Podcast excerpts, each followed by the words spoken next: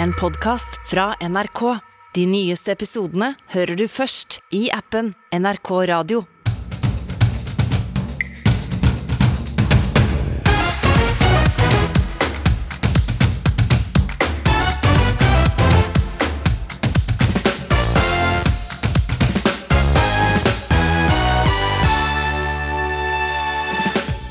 PST advarer om terrorrisiko. Allikevel vaier regnbueflaggene i mange byer denne helgen.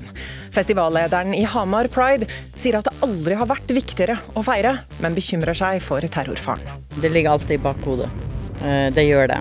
Men eh, hvis vi avlyser, hvis vi forsvinner, så vinner faktisk hatet. Det vil vi ikke tillate. Mens mange sliter med å finne bolig, har biskopen i Oslo, Kari Weiteberg, flytta inn i et mikrohus på Romsås.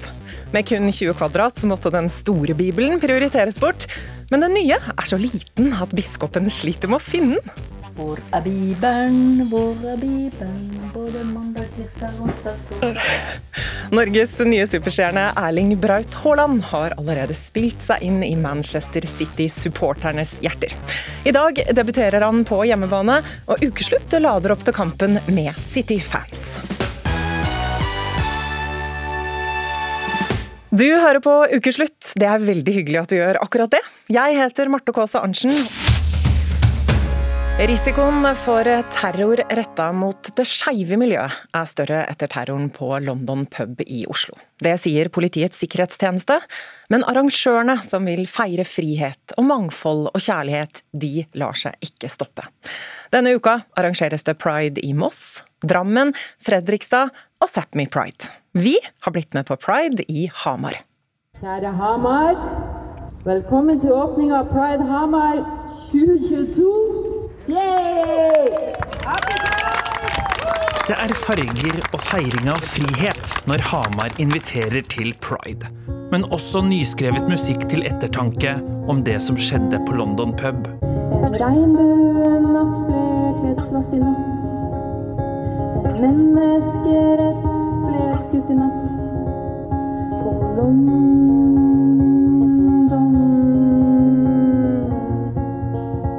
Og angrepet på London har satt spor hos pride-leder Monica Imsdalen Johansen.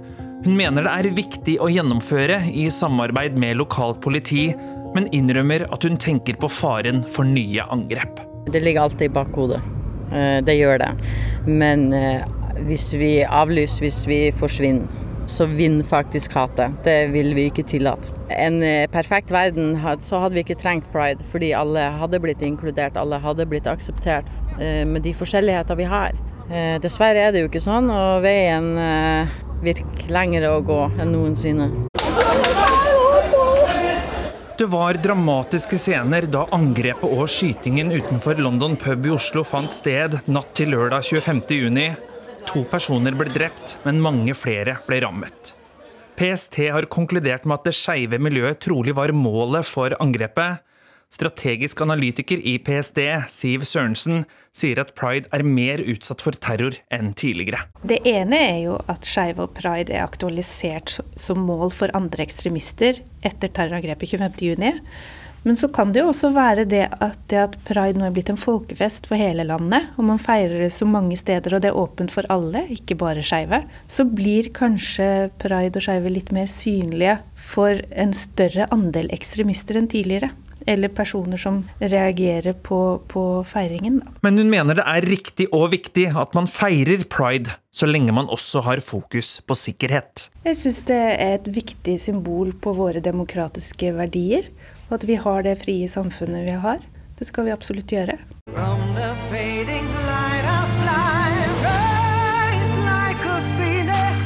Leder for den skeive organisasjonen FRI, Inge Alexander Gjestvang, mener det er viktig at det skeive miljøet reiser seg etter den siste tidens tragiske hendelser, men også FRI setter sikkerhet høyt. Våre fylkeslag og våre pride-arrangører har eh, fått eh, instruks fra oss om å gå i dialog med det lokale politiet og gjøre avveininger eh, lokalt. Og når politiet gir grønt lys, så er det et godt signal. Denne uken er det mange små og store byer som arrangerer og feirer pride. Det er Sápmi Pride i nord og festival i både Hamar, Moss, Fredrikstad og Drammen. Frilederen er takknemlig for drivkraft og initiativ rundt om i Norges land. Det er fantastisk å se alt engasjementet, eh, den viljen til å feire pride og markere mangfold og kjærlighet. At det kommer til uttrykk på hver en knaus og i hver en dal, det er helt fantastisk å bevitne. But I see your true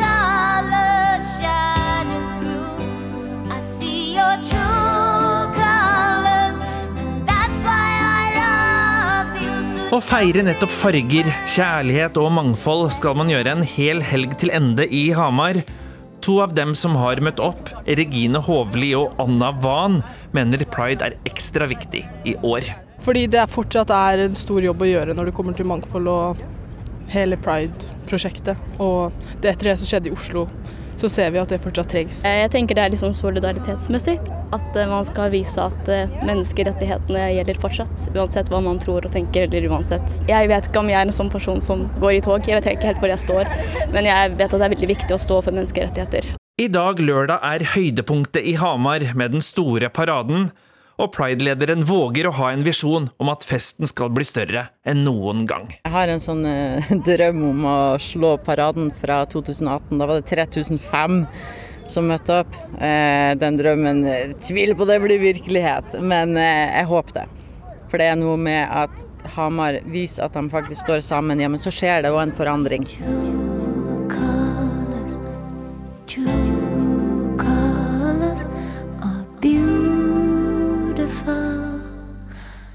Det var kollega Knut Øyvind Hagen som hadde laget den reportasjen, og om paraden i Hamar blir så stor som de ønsker seg, det skal vi sjekke ganske snart.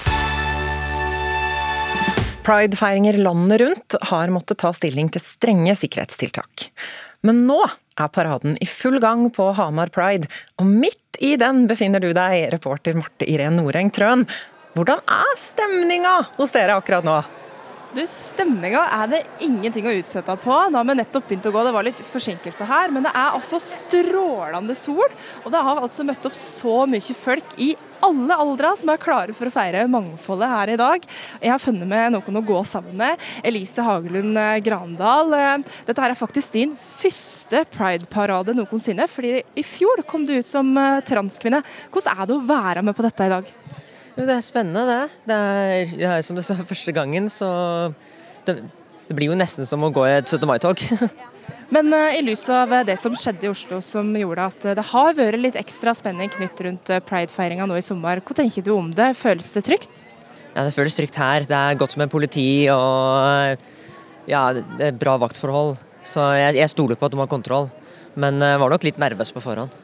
Ja, du har kjent litt på nervene. Jeg har egentlig merka det litt sjøl, det har vært litt nervøs eh, stemning før dette her. Men eh, hva slags forventninger har du til dagen? Jeg forventer vel at det skal eh, Ja, det skal bli fargerikt. At det blir bra med stemning når vi ender tilbake på Stortorget etterpå. Ja, det er liksom litt sånn Det var en del musikk her i begynnelsen, og litt sånn stille og rolig nå. Men hva er planene for resten av paraden og feiringa utover? Ja, jeg vet ikke hva som er planen med paraden, for de har sagt ufattelig lite. Men eh, dagen deretter, resten av dagen så blir det diverse musikk og aktiviteter her på Stortorget. Og så blir det en fest på festiviteten etter klokka seks. Men det har altså møtt opp ganske mange folk. Er det så mange som du forventa? Det er rundt det jeg hadde forventa, ja. Eh, Det var bra med oppmøte forrige gang de hadde det, hørte jeg. Og nå er det jo veldig mange, som inkludert meg, som føler at det er ekstra behov for å vise litt etter det som skjedde i Oslo. Ja, for Hvor viktig er det å feire pride nå? Jeg føler at nå er det viktigere enn noen gang, for nå har vi hatt en situasjon i Norge. Og da, eh, da er det viktig å vise til at vi lar oss ikke true. Vi lar oss ikke stoppe av eh, terror, og vi fortsetter å kjempe for rettigheter. Men du hadde et flagg, et prideflagg som jeg ikke har sett før. Eh, Det har både regnbuens farger, som jeg er vant med å se. I tillegg er det noen eh, trekanta farger i rosa, blått, brunt og svart. Hva betyr det? Eh, Det er det vi kaller det progressive flagget. Så det flagget inkluderer da både eh, seksualitet og skjønn. Så de eh, blå, rosa og hvite er for trans, og de brune og svarte er for, eh, ja, for kjønnsnøytrale. Og så er det en nyere som kom i år, som også har en gul eh, del, som er for intersex. Men den har ikke jeg fått tak i. Hva betyr det for det å kunne veive med dette flagget? Eh, For meg så er det viktigst. For meg så er det skjønn som er liksom min eh, fremstilling, siden jeg er trans. Uh, jeg er også translesbisk, så er jo seksualitet òg, men jeg føler at det er viktig å vise frem ja, vise, vise frem at eh, transkjønnete og eh, kjønnsnøytrale også tre, krever like rettigheter som cis. Og det er veldig mye som har skjedd nå i år, særlig i USA, med mange, mange transrettigheter som har blitt tatt bort fra unge. Så det er veldig viktig å vise frem til at vi fortjener rettighetene våre, så vi fortjener å få uh, behandling. Da er altså paraden godt i gang her. Det er masse folk som har møtt opp og veiva med regnbueflagg og progressive flagg. Og utover her så blir det nok eh, storstilt feiring eh, videre i dag. Tusen takk til Marti Re Noreng Trøen på Hamar. Og så er det altså pride i både Moss og Drammen og Fredrikstad og Sápmi. 20 kvadrat er det biskopen i Oslo har å boltre seg på når hun er hjemme. For Kari Weitberg har valgt å flytte inn i et mikrohus ved Romsås kirke i Oslo, sammen med sin mann. Og Ukeslutts reporter fikk komme på besøk som aller første gjest. Gjør døren høy. Sånn. Da åpner vi døra. Nei, se her, ja. Ja, hva syns du? Vi er på vei inn i biskopen i Oslo sitt nye hjem. Utvendig en brunbeiset brakke på en henger. Det som møter oss inne er både bad, kjøkken, stue og soverom, stablet opp på hverandre på 20 kvadratmeter. Det er altså ikke store bolterplassen. Kari Weiteberg illustrerer bredden på huset. Så hvis jeg står midt i rommet, og med hendene helt ut til siden, så er det vel en sånn 30 cm igjen på hver side. Og med 20 kvadratmeter må biskopen være kreativ. Og trappetrinnet opp til stua har lokk, og under er det plass. Liksom lukke opp det nederste steget der, så tenkte jeg ja, men da kan alle sokkene ligge, f.eks. Noen ting som bare må være med, har fått plass. Det er jo mummikoppene mine òg. Sånne mummikopper de gjør seg i alle, alle fasonger, syns jeg. Og så er det én ting hun selvsagt har i huset. Det tar bare litt tid å finne den. Hvor er Bibelen, hvor er Bibelen, både mandag, tirsdag, onsdag, torsdag Her er Bibelen. Jeg har tatt med meg en liten hyttebibel. Ja, for det er ikke, som det er ikke plass til den store. Nei, det er ikke plass til den store, så den, den har sånn dongeristoff rundt. Den er litt sånn eh, litt harry, men alt står her, da. Skikkelig bibel med sånn glidelås så du kan ta igjen. Nesten sånn at du kan ha den nedi i ei bokhylle. Og kanskje er det Bibelens budskap eh, som ligger bak biskopens motivasjon for å flytte inn på 20 kvadratmeter. Altså, jeg kunne jo velge å gjøre dette her, men jeg har ganske mange venner og bekjente som ikke kan velge hvor de vil bo, eller ikke finner en plass å bo. Særlig i, i storbyen når de nå skal begynne å studere, eller at de ikke har fått inn eh, lønning de siste månedene. Så det å teste ut andre måter å bo på, og det å få en sånn samtale rundt det, hvordan kan vi ha en sosial boligbygningspolitikk? Men til tross for gode intensjoner, det er én stor utfordring å bo i mikrohus, innrømmer Weiteberg. Før du får vite hva biskopen har i tankene, så la oss ta en tur ut i Oslo. For å høre med folk om de syns det er en god idé å bo på 20 kvadratmeter. Nei, det hadde vært for lite. Tross alt. Jeg syns det hørtes spennende ut, jeg. Og kanskje det hadde fått eh, folk til å gå mer ut.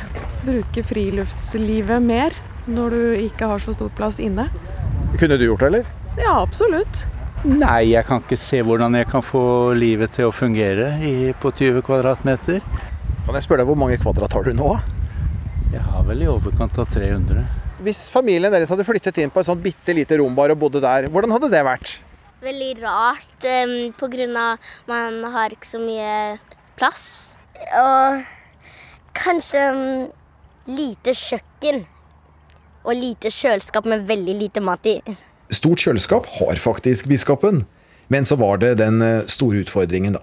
At jeg må ha litt luft i forhold til mannen min. Ja, luft sier du og mannen din. Eh, hva- ligger i det? Hva slags luft trenger du? Ja, det er et godt spørsmål.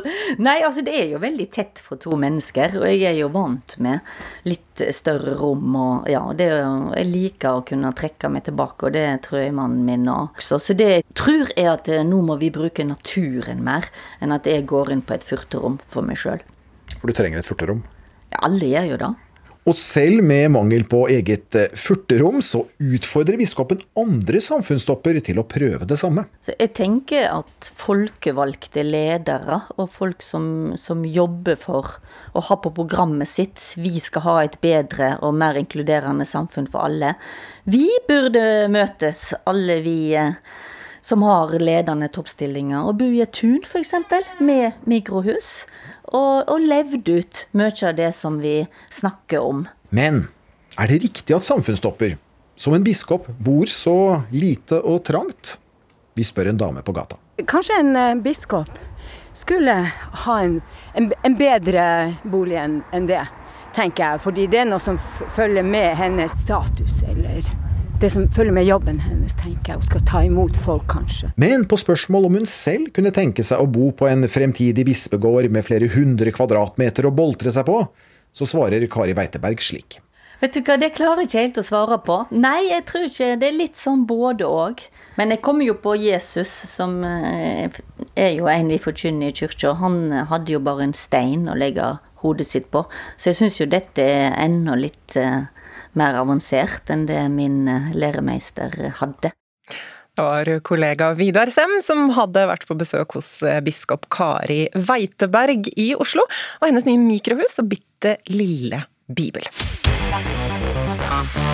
Å puste er fortsatt heldigvis gratis, men aldri før har prisen på mat steget så mye så fort. Og da gjelder det da å finne fram sin indre kreative forbrukerøkonom og hjelpe hverandre med sparetips. Det har leserne på nrk.no gjort. Og der har du også bidratt, Desiree Øvertveit fra Sande i Sunnfjord. For du har kjent på å ha det trangt økonomisk? Ja, nei, Vi var i en situasjon for ti år siden der vi levde på én inntekt, så å si. Jeg tjente veldig lite penger. Vi hadde fullt huslån, fire unger. og ja, Vi fikk inkassovarsel på alle regninger, og vi måtte bare ta rev i seila og begynne å spare. Og da har du blitt en ganske imponerende ekspert på nettopp det å spare. Og hva er ditt aller, aller beste sparetips? Uh, og ja, nei, ja, jeg kan spare på veldig mange måter, men eh, en av de tingene som vi gjorde Vi hadde jo tre gutter som bodde hjemme som eh, spilte fotball. og det ble med fire unger, så blir det veldig mye klesvask. Og det som vi gjorde, vi kutta tørketrommelen. Da reduserte vi jo strømregninga betraktelig. Vi kjøpte to Jeg tror vi hadde tre klesstativ som vi brukte. Og i tillegg så vaska vi alle klær på kun 20 minutter syklus. Vi har et program på maskiner som heter Mini20. Og ja, disse ti åra har vi kun brukt det programmet. Du som hører på nå, du kan gå inn på nrk.no og lese flere sparetips der. Der anbefaler leserne bl.a. å benytte seg av gode tilbud, og sjekke tilbudsapper og handle på salg. Og så deler de tips om å alltid sjekke kilopris, og f.eks. gå for butikkjedenes billigmerker. Resirkulering det vet vi at er økonomisk, og Tore Øverleir i Trondheim tipser om at det går an å gjøre med blomster også, men det må du nesten forklare, Tore. Ja, så eh, vi bor like ved en eh, park og kirkegård på Havstein i Trondheim. Og Der går vi tur med hundene hver dag. Så det er egentlig samboeren min Tone som skal ha mesteparten av æren for hun som er den kyndige på blomster og planter. Men eh, der er det, når folk bytter ut plantene på gravene, så kaster de de blomstene som sto der fra før, i, eh, i avfall. Så det står det åpne avfallsbokser. Så begynte samboeren min å plukke med seg planter og blomster derifra. Og det er jo en eh, skikkelig skattkiste hvis man er glad i eh, blomster og farge. Og vi lufter hundene hver dag, så det er liksom en sånn Det er masse å ta av, og veldig fine ting. Ser for meg at det er fine farger i hagen til Tore. Det å handle sjelden og unngå å gå på butikken på tom mage og alltid ha med seg liste, det går også igjen som eh, sparetips. Men brød, det må man jo ha, og det er også en helt essensiell del av den norske matpakka. Så hvordan brødet kan bli billigere, det vet Jon Gunnar Enebakk på Meråker i Trøndelag. Ja, vi eh, fant ut det at hvis vi baker sjøl, så kan vi spare sånn ca. 30 kroner per brød i forhold til det brødet vi har brukt å kjøpe på butikken. Men eh, det som eh, er best med det, det er at eh, det smaker så mye bedre. Det er helt fantastisk, for at vi bruker brødbaker. Ja, hvordan funker det? du, interessen ble vakt da vi spiste middag på en gourmetrestaurant i Trondheim. For de hadde så fantastisk brød. Så jeg spurte kelneren liksom, hvordan i all verden får du til å bake det brødet her. Og så kikka han seg rundt, og så bøyde han seg fram og så hviska han vi bruker brødbaker. Da ble interessen vakt. da. Så da vi lette litt på nettet for å finne oppskrifter på det her, og kjøpte oss en brukt brødbaker på Finn til 200 kroner, så prøvde vi. Og vi fant ut at vi fant fikk et brød som smakte helt fantastisk og hadde en helt fantastisk konsistens, og som eh, holdt seg ferskt i mange dager. Siden det er lørdag, så tar vi med enda et sparetips. Og det kommer fra Merete Engen Enersvedt på Dokka. Jeg har eh, tipsa om å kutte ut eh, tjukke plastflasker med flytende dusjsåpe. Og begynne med god gammeldags såpestykke til, til kroppsvask i dusjen. Ja, og hvor mye tror du du sparer på det? Vet du, det, det har jeg ikke regna på, men jeg, jeg tror jeg sparer ganske mye. Vi har gjort det nå det siste året, hele familien på fem. Og er veldig fornøyd med det. Litt flasker kommer det nok med innimellom til noe sjampo og noe, men, eh, men vi har redusert eh, bruken veldig kraftig. Og nesten viktigere, vil jeg si, da, enn en det at vi sparer penger, så er det at vi sparer miljø. Fordi eh, mange av disse dusjsåpeflaskene kunne jo ikke engang resirkuleres i plastsøpla. Det var restavfall, så jeg. Eh, Sånn at eh, jeg syns det var veldig veldig fint når vi kunne gå over til å kjøpe noen såpestykker, innpakke i papir og bruke hele, hele tida alle sammen. Og vi som er fra 70-tallet, vi savner jo den her Doktor Greves barnesepe. Det var jo den aller beste, men den er jo ikke i produksjon lenger, dessverre. Der folk og musikk møtes, så skapes også små og store minner. Og i dag synger årets Øyafestival på sin siste dag. Siden den festivalen ble født i 1999, så har musikere overraska, skuffa og sjokkert. Været har gjort noe av det samme, og flere har funnet kjærligheten blant veggisburgere og festivaltoaletter. Vi har vært i Tøyenparken for å mimre. Hva er ditt beste øyablikk? Jeg roper på han, jeg tror jeg. Du klarer å åpne det. Jo, der. Klarer ikke. 18 år gamle Fabio Enzo er nervøs. Det er 2015. Han og kompisen har nettopp sniket seg forbi tre gjerder og flere vakter. De prøver å bryte seg inn på backstage-området på øya. På den andre sida av det fjerde gjerdet ser han idolet sitt, rapperen Tyler The Creator. Det er nå eller aldri. Så vi hopper over gjerdet i disse frivillige vestene eh, og begynner å løpe mot Tyler. Jeg og kollegaen min Anne møtte Fabio da vi dro til Øyafestivalen i år og spurte folk. Hva er det beste øyeblikket du noen gang har opplevd? De fleste vi møter, nevner konserter de har vært på. Ah, En utrolig god artist som heter Maja noe. Eh, Det her var i 2019. Når Motorsaco spilte hele Timothy's Monster som avslutning på en lørdag, tror jeg. Jeg husker ikke hvilket år det var. Det er en del år tilbake nå. Men andre forteller om helt andre ting. Han ser det, han ser oss hoppe over, og kompisen hans ser oss hoppe over, så de begynner å le liksom litt. og ok, hvem er disse kidsene? Intervjuet med Tyler The Creator gjorde Fabio til et internettfenomen. You snuck back here, huh? Be honest. Yeah, we did. I, I respect you. Can I see that? Det var en sånn star butterfly-effekt-start på det som nå har blitt karrieren min. Nå spiller mange av vennene mine her, jeg driver et plateselskap. Man kan si, trygt si at jeg har melket dette til det siste dråpet, in- inkludert i intervjuet her. ja, men det er absolutt et gull, gull fra øya. Inne på festivalen igjen møter vi artisten Sondre Lerche. Han husker best hvordan det begynte å hagle da han spilte her for første gang i 2001. Ok, Vi er vant til at det kanskje kan begynne å regne, ikke sant? Det er jo Norge, tross alt. Men midt i august, hagl, liksom. det var helt, det var helt sykt. Jeg skjønte først etterpå hvor eh, vilt det hadde vært. For jeg sto der og bare prøvde å, å spille. Og så søker jo folk da. Eh, så klart. Men mest av alt tror jeg fordi det var vondt eh, når disse haglballene traff folk. Etter å ha snakka med Lerke møter vi musikkjournalist Sandeep Singh. Han glemmer aldri da han dekka festivalen som anmelder i 2012. fyren som revolusjonerte R&B på det tidspunktet, Frank Ocean, skulle spille. Og det var så stort, det. Etter ha trollbundet publikum med fire låter, stakk Ocean fra scenen. Han kom ikke tilbake igjen. Og så går det vel kanskje opp imot ett minutt, og så kommer en eh, fra Øyafestivalen fram på scenen og sier eh, eh, konserten er dessverre avlyst. På sjefskokken på øya i 2006, Ivar Eidem, står ei oppleving sterkt i minnet. Det er jo en stund siden nå, men jeg husker at folk var litt nervøse.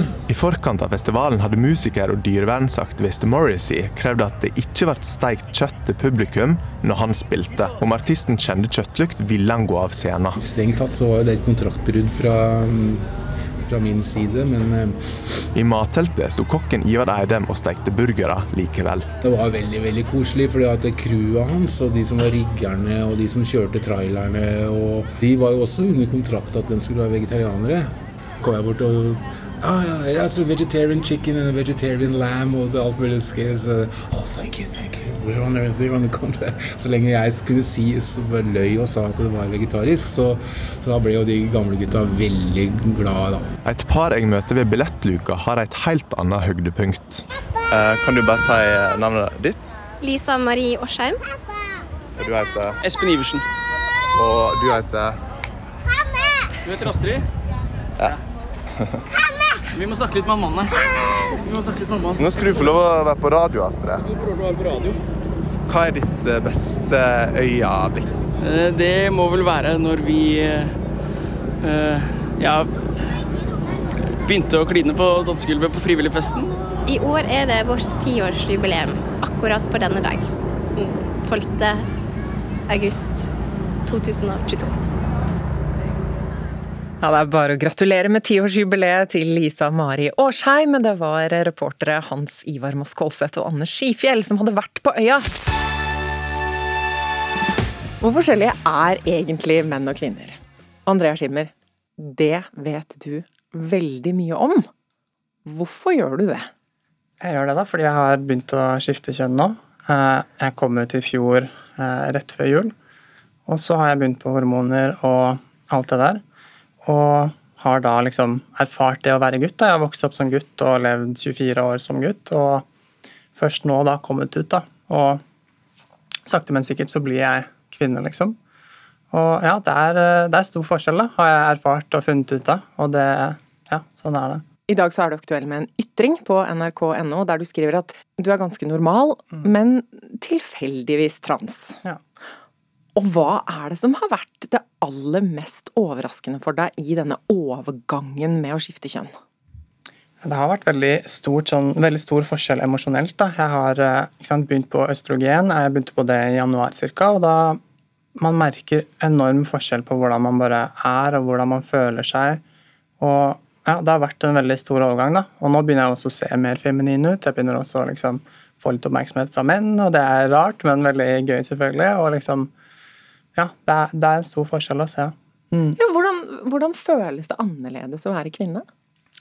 Det føles annerledes fordi altså for meg så, så har man en annen emosjonell verden. da. Eh, Jeg kjenner at for meg så er det blitt mer naturlig og mer godt å snakke om følelsene mine og hvordan jeg har det. Det har, vært, liksom, det har blitt nødvendig å gjøre det. og det var det liksom ikke før. Jeg skjøv det litt mer vekk. Og, og gutter er veldig sånn da, at de ikke snakker så mye om sånne ting. og og jeg har jo hatt stort sett guttevenner da, egentlig. Når jeg var veldig liten, så hadde jeg flere, jenter, eh, flere jentevenner, liksom. Men jeg har vokst opp med gutter, og da, da har det vært liksom Det er en helt annen sånn sjargong og måte å være sammen på og snakke sammen på i, i guttegrupper, da. Eh, og Ja, hvordan da? Det er mye mer sånn man, man bare spøker og tuller, og man snakker nesten aldri om noe som er litt sånn dypt og litt mer intimt, da. Og så nå ikke sant, har jeg begynt å få en del venninner, og det er så deilig da, å bare kunne snakke litt sånn intimt og dele litt med, med venninner. Og, og kvinner er mye flinkere til det, føler jeg, enn menn. da. Mm. Er det noe du savner med å være mann? Altså, Det er eh, positive ting og negative ting både med å være gutt og jente, liksom. Eh, Og som gutt, da, så Jeg tenkte på det på vei hit, at, eh, at det er liksom første gang nå som jente at jeg har følt meg noen ganger på kveldstid sånn litt utrygg. Og det kjente jeg aldri på før. Det mener at det er noe jeg aldri har kjent på før. At liksom jeg kunne dra ut og løpe klokken 11 på kvelden, liksom, og bare Det var helt ok. Og jeg husker jeg sa det til en venninne, og hun var bare sånn Tør du virkelig det? liksom? Og jeg bare sånn, Selvfølgelig, liksom. Det hadde jeg aldri tenkt på at, var en, at det skulle være noe skummelt eller et eller annet sånt noe. Men, men nå er det liksom Jeg kan kjenne på det noen ganger, da. Og så også sånn litt morsommere ting som jente, sa jeg har ikke opplevd at folk åpner dører og holder de for deg, ja, men eh, det begynner liksom å skje litt nå, og det er jo veldig koselig, liksom. Men det var ikke sånn før. Og, og også som gutt, da, så dessverre så er det litt sånn at hvis du Si du sliter med noe, da, hvis du liksom har det litt vanskelig, eller noe, så får du som regel liksom høre fra venner og familie litt fort sånn Skjerp deg bare, ta deg sammen. Det er liksom ikke noe rom for at menn alltid kan uttrykke hvordan de har det, og si at jeg har det litt vanskelig. og Man får liksom fort høre bare fra vennegjengen eller fra familie at sånn Skjerp deg, liksom. Ta deg sammen. Du er mann, og du må bare suck it up, liksom. Men ja, sånn er det ikke. da. Jeg får på en måte nå lov til å uttrykke litt mer sånn. og Det er, veldig, det er en annen sånn uh, ramme for hvem du kan være. da. Andrea Schilmer, aktuell med ytring på nrk.no i dag. Tusen takk for at du kom til ukeslutt. Den politiske festivalen som begynner på mandag, er det et dansegulv for demokratiet, eller er det en elitistisk lobbyistfestival? Og hva er det egentlig som foregår? Kan vanlige folk delta, f.eks.? Jeg har, med god hjelp av noen arndalitter, tatt rede på hva det er vi kan forvente. Strøm, strøm, strøm. Og dieselpriser. Ja. Det er, som jeg sa i stad, så er det svada hele greiene. Det kommer ingenting ut av det. Det er en fyllefest for eh, politikerne våre. Kommer ned og bruker skattepengene våre. Det er det de egentlig gjør. Jeg sier Arendal. Ja. En god arendalitt. Det er Arendalsuka for dummies. Tusen takk for hjelpa. Bare koselig, du. Ha en fin dag. Arendalsuka fyller ti år i år, og er egentlig bare enda en greie vi har lånt av svenskene. Det hele begynte med at Olof Palme talte fra et lasteplan i Almedalen en gang for lenge siden. Det er alltid samme glede å stå her i Almedalen. Kult. Tenkte SV-politiker Øystein Djupedal og en gjeng med andre samfunnsstopper og inviterte til En folkefest for folkestyret. Folkefest, ja. Men er det egentlig for vanlige folk? Arendalittene virker litt usikre. Det er så masse som skjer, og så masse forskjellige som kommer. og Så ser en jo alle de som en bare ser på TV ellers. og En føler nesten at en er kommet ut, litt langt ut i utlandet. Nei, Da holder vi oss vekk hjemme, og ikke til byen da. Alle som er eller vil være noe i norsk offentlighet, samles gjerne i Pollen noen dager i august. Hjemkommunen til kulturredaktør i Federlandsvennen, Karen Kristine Blågestad. Ja, det er jo litt sånn den derre elite-fiffe-tenkningen, da, som jo altså, var, altså at det er på en måte de allerede etablerte stemmene som samles og sementerer sitt sjikt mer, kanskje. Men igjen, det er veldig åpent, og det er brytninger mellom ulike sektorer sånn som, som, jeg tenker er interessant, da, som ikke ellers ville vært der. Så, men en, de må vokte seg for det, tenker jeg. Det er viktig at det er lave skuldre og åpent, og at folk slenger rundt i gatene, stor og liten. Både skomakerne og kongen, liksom. Og ryktene de sier at både rojale og lokale kan spise og drikke seg både fulle og mette på kommunikasjonsbyråenes regning på en liten kveldstur gjennom byen. Og det er jo gode nyheter for de som driver med servering, som f.eks. Ernesto på Munch. Det går enormt med vin, ja. Er det noe spesiell vin nå, eller? Nei, ja, de bruker, de kjøper litt dyrere flaskevin, ja. De merker det. Det går ikke Pappahusets vin der, nei. Her står det en søppelbil med motoren på, og inni sitter Joakim. Og hva gjør du? Jeg kjører søppelbil, da. Ja. ja. Kan du fortelle litt om hvordan den jobben er annerledes under Arendalsuka? Restauranten er jo proppfull hele uka, så det, det er bare sinnssykt mye søppel. Mye alkohol og mye søppel, altså. Jan Erik Grindheim er statsviter, og han er overbevist om at det er Arendal kommune som tjener mest på Samfunnsfestivalen, og mener at det er viktig at vippene kommer seg ut av hovedstaden. Og da snakker de sammen, uformelt, diskuterer, og det er en veldig viktig del av demokratiet. Ja, Hvorfor er det det? Fordi at det er klart Politikk og samfunnsutvikling er jo langt på vei et elitefenomen. Vi kan godt diskutere utfordringer knyttet til det demokratisk sett, men det er også viktig at, at politikere, eller alle de som er politikere rundt politikerne, del av denne profesjonen, hvis vi kan kalle det sånn. Akkurat som rørlegger har sine profesjonskonferanser, så har leger det. Og også politikere og alle de som er i politikernes randsone. Og at de får snakke sammen Litt uformelt, kanskje over en øl eller to. Det er ganske positivt. Ja, så Det er like viktig som at f.eks. legene har sin fagkonferanse, eller journalister tar på skupp. Ja, jeg syns det. Altså, det er viktig for samfunnet. De blir bedre i jobben sin av det? Ja, det tror jeg absolutt. Eh, og her er det jo mange som sikkert har lyst til å si noe til politikerne som ikke får sjans ellers. Og så gjør de det her. Det gjør de. Fordelt på 1723 arrangementer og så mange tilreisende at mobilnettet i sørlandsbyen må forsterkes. Miljø og klima er saken som skal debatteres aller, aller mest. Men det er ikke det Linda på Jordbærpikene og Anja på Normal er mest opptatt av når de tar lunsjpause på en benk i sola. Akkurat nå prater vi om sex. Men kan jeg få lov å stille dere spørsmål om Arendalsuka? Hvilket forhold har dere til den? Det er ikke så sexy, men sinnssykt he- hektisk. Masse jobb. Men det er gøy, da. Jo, den er sikkert viktig. Folk får jo, eh, de får jo fram budskapet sitt, i hvert fall. Tror du det blir noe ligging av? Selvfølgelig gjør det det. er ikke politikerne verre enn alle andre? Det tror jeg òg. Det, det er mye, mye greier. Fotballgeniet Erling Braut Haaland har vært på alles lepper veldig lenge, men det blir kanskje litt ekstra snakk om han i dag, for i dag så debuterer han altså på hjemmebane for Manchester City mot Bournemouth.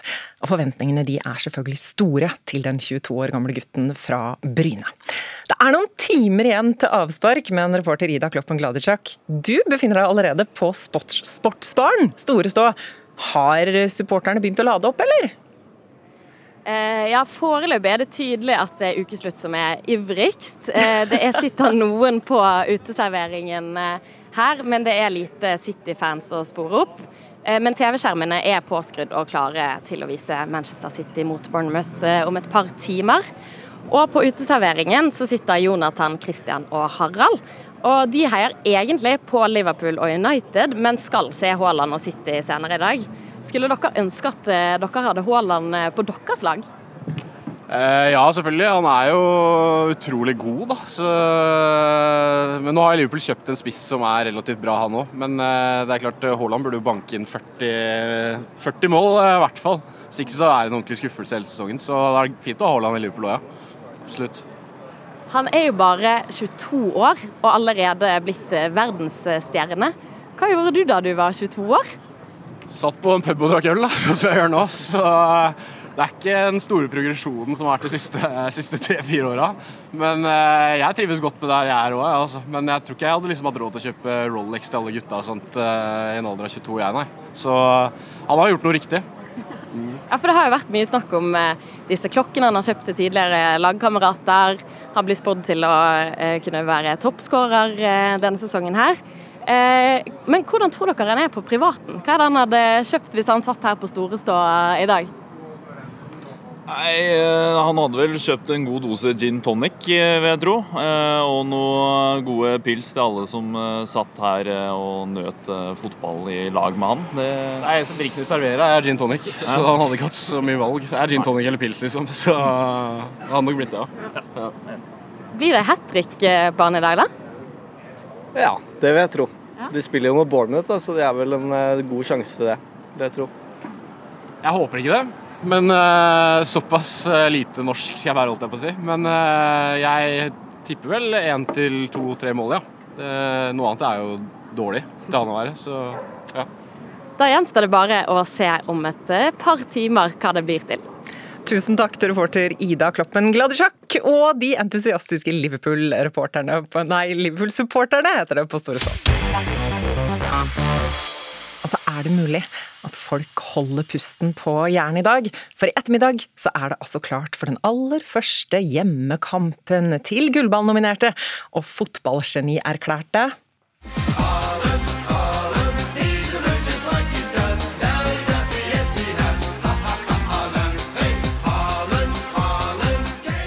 Erling Braut Haaland, selvfølgelig. He's a blue just like his dad. Now he's at the Etihad, som de synger i denne nyinnspilte låta fra Manchester City. Kasper Wikestad, du er fotballkommentator for Viaplay og på plass i London for å kommentere en annen Premier League-kamp i dag. Hva tenker du om forventningene til Haaland? Haaland? Eh, nei, Forventningene til Haaland de eh, de er, enorme. og Det er sånn eh, det er, sånn det er når han kommer med, med det navnet han, han, kommer. Jeg har kommentert til Shield-debuten hans mot Liverpool. og Han brant et par sjanser. Fram mot den kampen så var det to sider engelske aviser hver dag hele uka. og Det var det egentlig etter en kamp nå, for da var det på en måte kommer han til å klare Premier League etter at det gikk litt trått mot Liverpool. Og så kommenterte jeg kampen mot Western, Premier League-debuten hans forrige helg, da han skåra begge Manchester Citys eh, mål. Eh, og plutselig så var verden i vater igjen. og eh, i stort sett engelske avisene i dag de handler om, om Haaland og, og Bournemouth-keeper Mark Travers, som har lovet å stoppe han. Men hvordan tror du han takler det selv, da, når han våkner til de overskriftene? Det ser ut som han takler det veldig, veldig fint.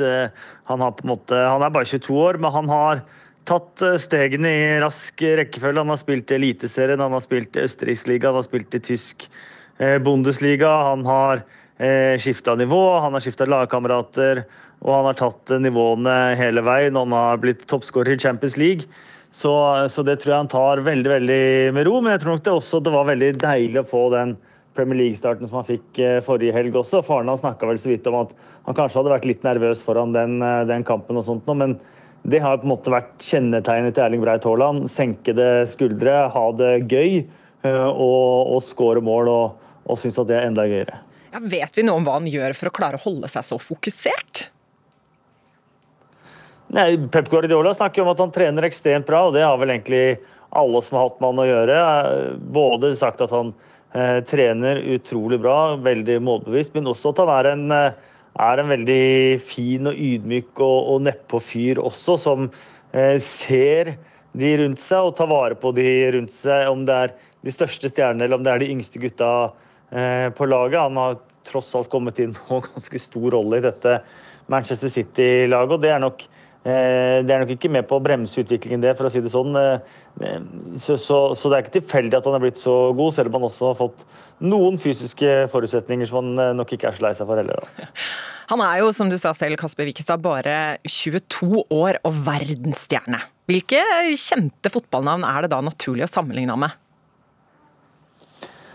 Ah, det er, eh, det er, vanskelig å si. I og med at han er født i år 2000, akkurat fylt eh, 22 år, så skal man kanskje ikke ta, ta munnen for full. Uh, Pep Guardiola vel, nevnte vel Messi i, i samme åndedrag som, som Haaland på en pressekonferanse eh, her. og det, det, er, det, er, nok litt tidlig, men det han har oppnådd i, i, en alder av 22 år, andre gang han er nominert til Ballon d'Or, han har toppskårer i Champions League Eh, han har omtrent like mange mål som kamper i, for Dortmund. Eh, det er, det er, veldig unikt. Eh, sånn sett skal man si at han er i ferd med å bevege seg inn til å, til å bli et slags, slags, fenomen. Men man skal huske at han er 22 år. Han er fortsatt i et slags støpeskje av sin karriere, selv om han har oppnådd mye. og Jeg tror det også er veldig fokus i Manchester City at ja, vi har fått en fantastisk spiss og, og en målskårer, men også en, en fotballspiller som som kan bli mye bedre, og som vi skal utvikle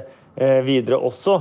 Eh, en fotballspiller piker jo ikke før, som oftest da, før litt seinere enn 22 år. Så, eh, men man kan si at den starten han har fått på karrieren, der han er nå, det er, det er ganske unikt, spesielt i, i kanskje norsk, norsk fotballsammenheng. Da. Vi har vel kanskje aldri hatt en, eller vi har aldri hatt en så stor stjerne i, i, i en sånn liga som vi har nå. Pep Guardiola sa jo også at det kanskje er lurt å la være å sammenligne han med så veldig mange andre stjerner. Hvorfor tror du han tenker det? Erling Braut Haaland er Erling Braut Haaland. Han er på en måte ingen andre. Og, og hvis man f.eks. skal sammenligne med Messi, så er de to utrolig ulike i måten å spille fotball på, i, i, i, i vesen og i alt. Så det, så, så det, blir på en måte litt, litt tullete. Men Eh, og, og, på en måte han må jo få utvikle seg til å bli seg selv også, så sånn sett så blir jo sånne sammenligninger eh, ikke så heldige. Og, og, og, det kan ofte også bli en sten til byrden for, for noen å, å, bli sammenlignet med mange andre tidlig, og det, det har jo folk veldig sånn, tendenser til å gjøre ofte hvis det kommer opp nye spillere eller andre ting, at man skal sammenligne med det med noe, med noe som har vært. Um, så Sånn sett så er, det, så er det veldig greit at Erling Breit Haaland får være Erling Breit Haaland. Vi hadde med oss noen eh, fans på pub her litt tidligere, Kasper Wikestad, og de trodde at hvis Erling Braut Haaland hadde vært der sammen med de, så hadde han kjøpt seg både øl og gin tonic. Kan han ta seg en fest hvis de vinner mot Bournemouth i dag? Nei, man skal huske på at fotballspillere i dag, spesielt i de, de største ligaene, er noe helt annet enn fotballspillere i England for eh, 20-30-40 år siden. De, de, lever et veldig, veldig asketisk eh, liv. De eh, trener, de spiller kamper, de spiser eh, til gitte tidspunkt. Veldig fastsatte menyer.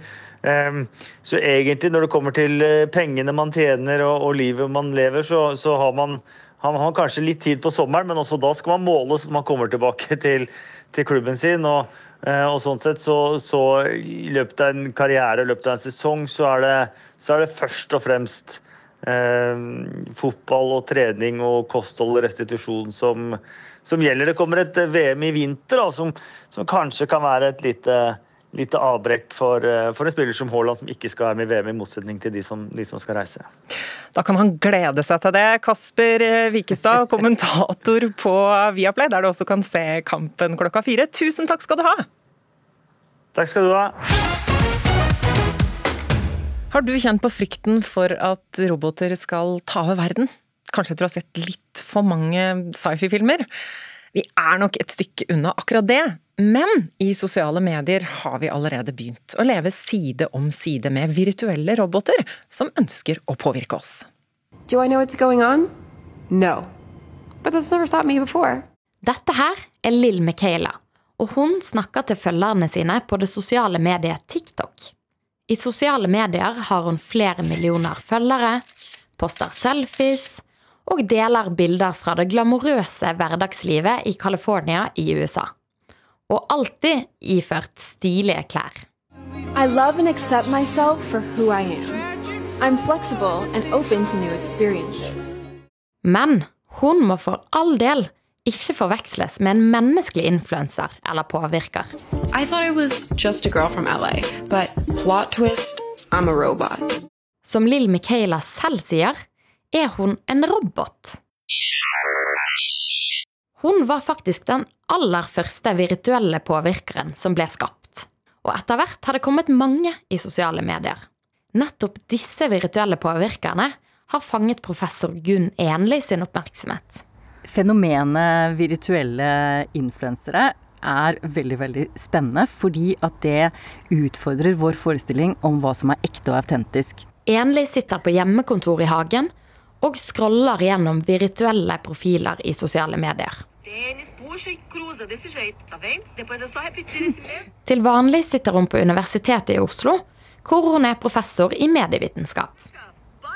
Nei, jeg tenker at det er eh, fascinerende og det er veldig rart å se at hun, eh, at hun står og snakker til oss som hun var et menneske. Selv om de virtuelle påvirkerne er animert, ser de ganske så ekte ut ved første øyekast. For de snakker, poserer med ekte mennesker, har en konstruert fortid med ekskjærester. Og ja, Lill Michaela har til og med gitt ut flere låter.